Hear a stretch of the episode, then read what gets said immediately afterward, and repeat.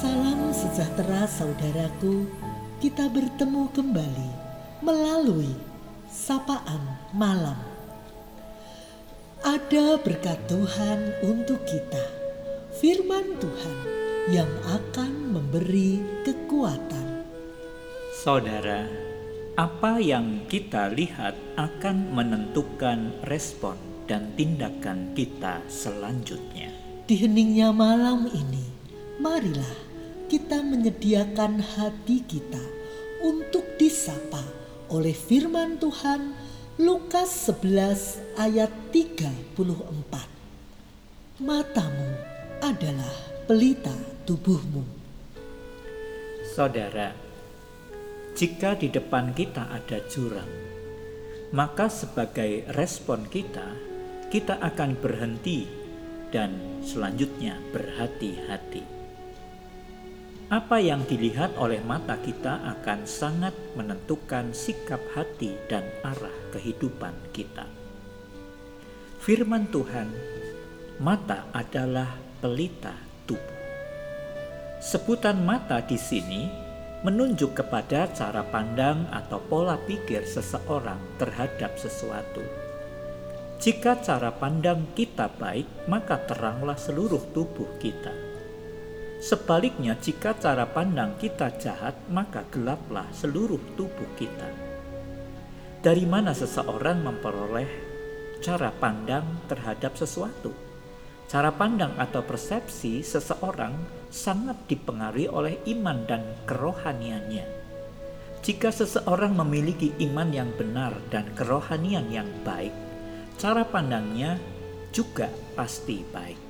Sebaliknya, jika iman dan kerohanian seseorang tidak baik, cara pandangnya pun pasti akan menjadi jahat. Cara pandang seseorang terhadap kehidupan akan berpengaruh terhadap perilaku dan sikap hidupnya. Sama seperti pandangan mata jasmani akan mempengaruhi sikap anggota tubuh yang lain. Cara pandang yang baik akan menghasilkan perilaku yang baik, sedangkan cara pandang yang jahat akan membuat perilaku seseorang menjadi gelap atau buruk. Oleh karena itu, Tuhan Yesus berpesan agar murid-muridnya menjaga supaya terang yang ada pada diri mereka tidak menjadi gelap. Apa yang bisa membuat terang di dalam diri? Bagaimana terang itu berubah menjadi gelap? Dalam Matius, Tuhan Yesus menjelaskan tentang mata yang jahat dan mata yang baik. Mata yang baik berasal dari hati yang mengabdi kepada Allah Sedangkan mata yang jahat berasal dari hati yang mengabdi kepada mamon, kekayaan, atau bahkan dirinya sendiri. Orang yang hatinya diabdikan kepada Allah, firman Tuhan menjadi pelita yang akan menerangi hidupnya. Atau jika mata kita diletakkan pada hal-hal baik, maka teranglah seluruh tubuh kita.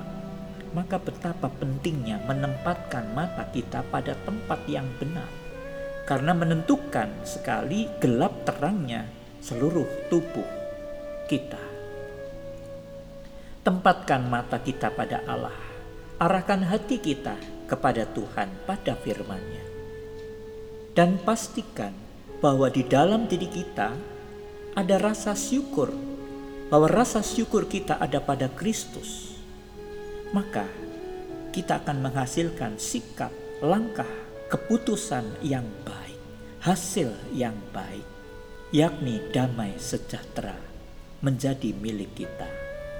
Selamat untuk memiliki terang hidup, selamat untuk kita semua berjalan pada jalan yang benar. Selamat untuk menjadi berkat.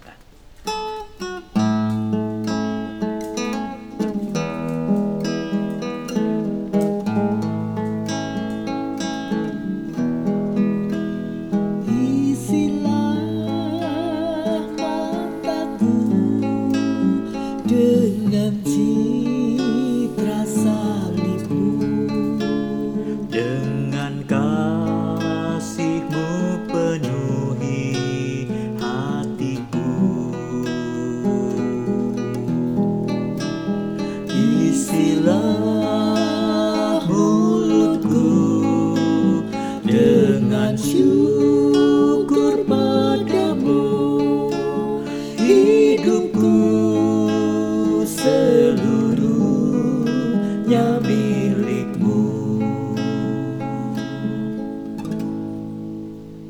Marilah kita berdoa. Bapa di surga sungguh kami bersyukur kepadamu. Terima kasih untuk Firmanmu yang boleh menyapa kami, mengingatkan agar mata kami, hati kami ditempatkan pada tempat yang benar, yaitu mengarahkan diri kepada Tuhan.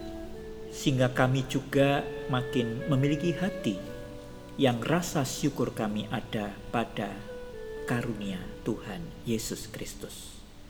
Malam ini Bapa kami kembali mohon berkat Tuhan di sepanjang kehidupan kami selanjutnya seperti Tuhan sudah memberkati kami selama ini. Sertailah kami, Tuhan, bimbinglah kami, agar kami senantiasa boleh melakukan hal yang terbaik. Dan Tuhan berkati untuk mereka yang berjuang mengatasi sakit. Berikan damai sejahteramu kepada mereka yang saat ini sedang gundah. Berikanlah kepada kami hati yang tenang, dan malam ini kami boleh beristirahat dengan baik. Terpujilah nama Tuhan di dalam Kristus Yesus kami berdoa. Amin. Selamat malam saudaraku, biarlah mata kita senantiasa terisi oleh citra salib Kristus. Selamat beristirahat.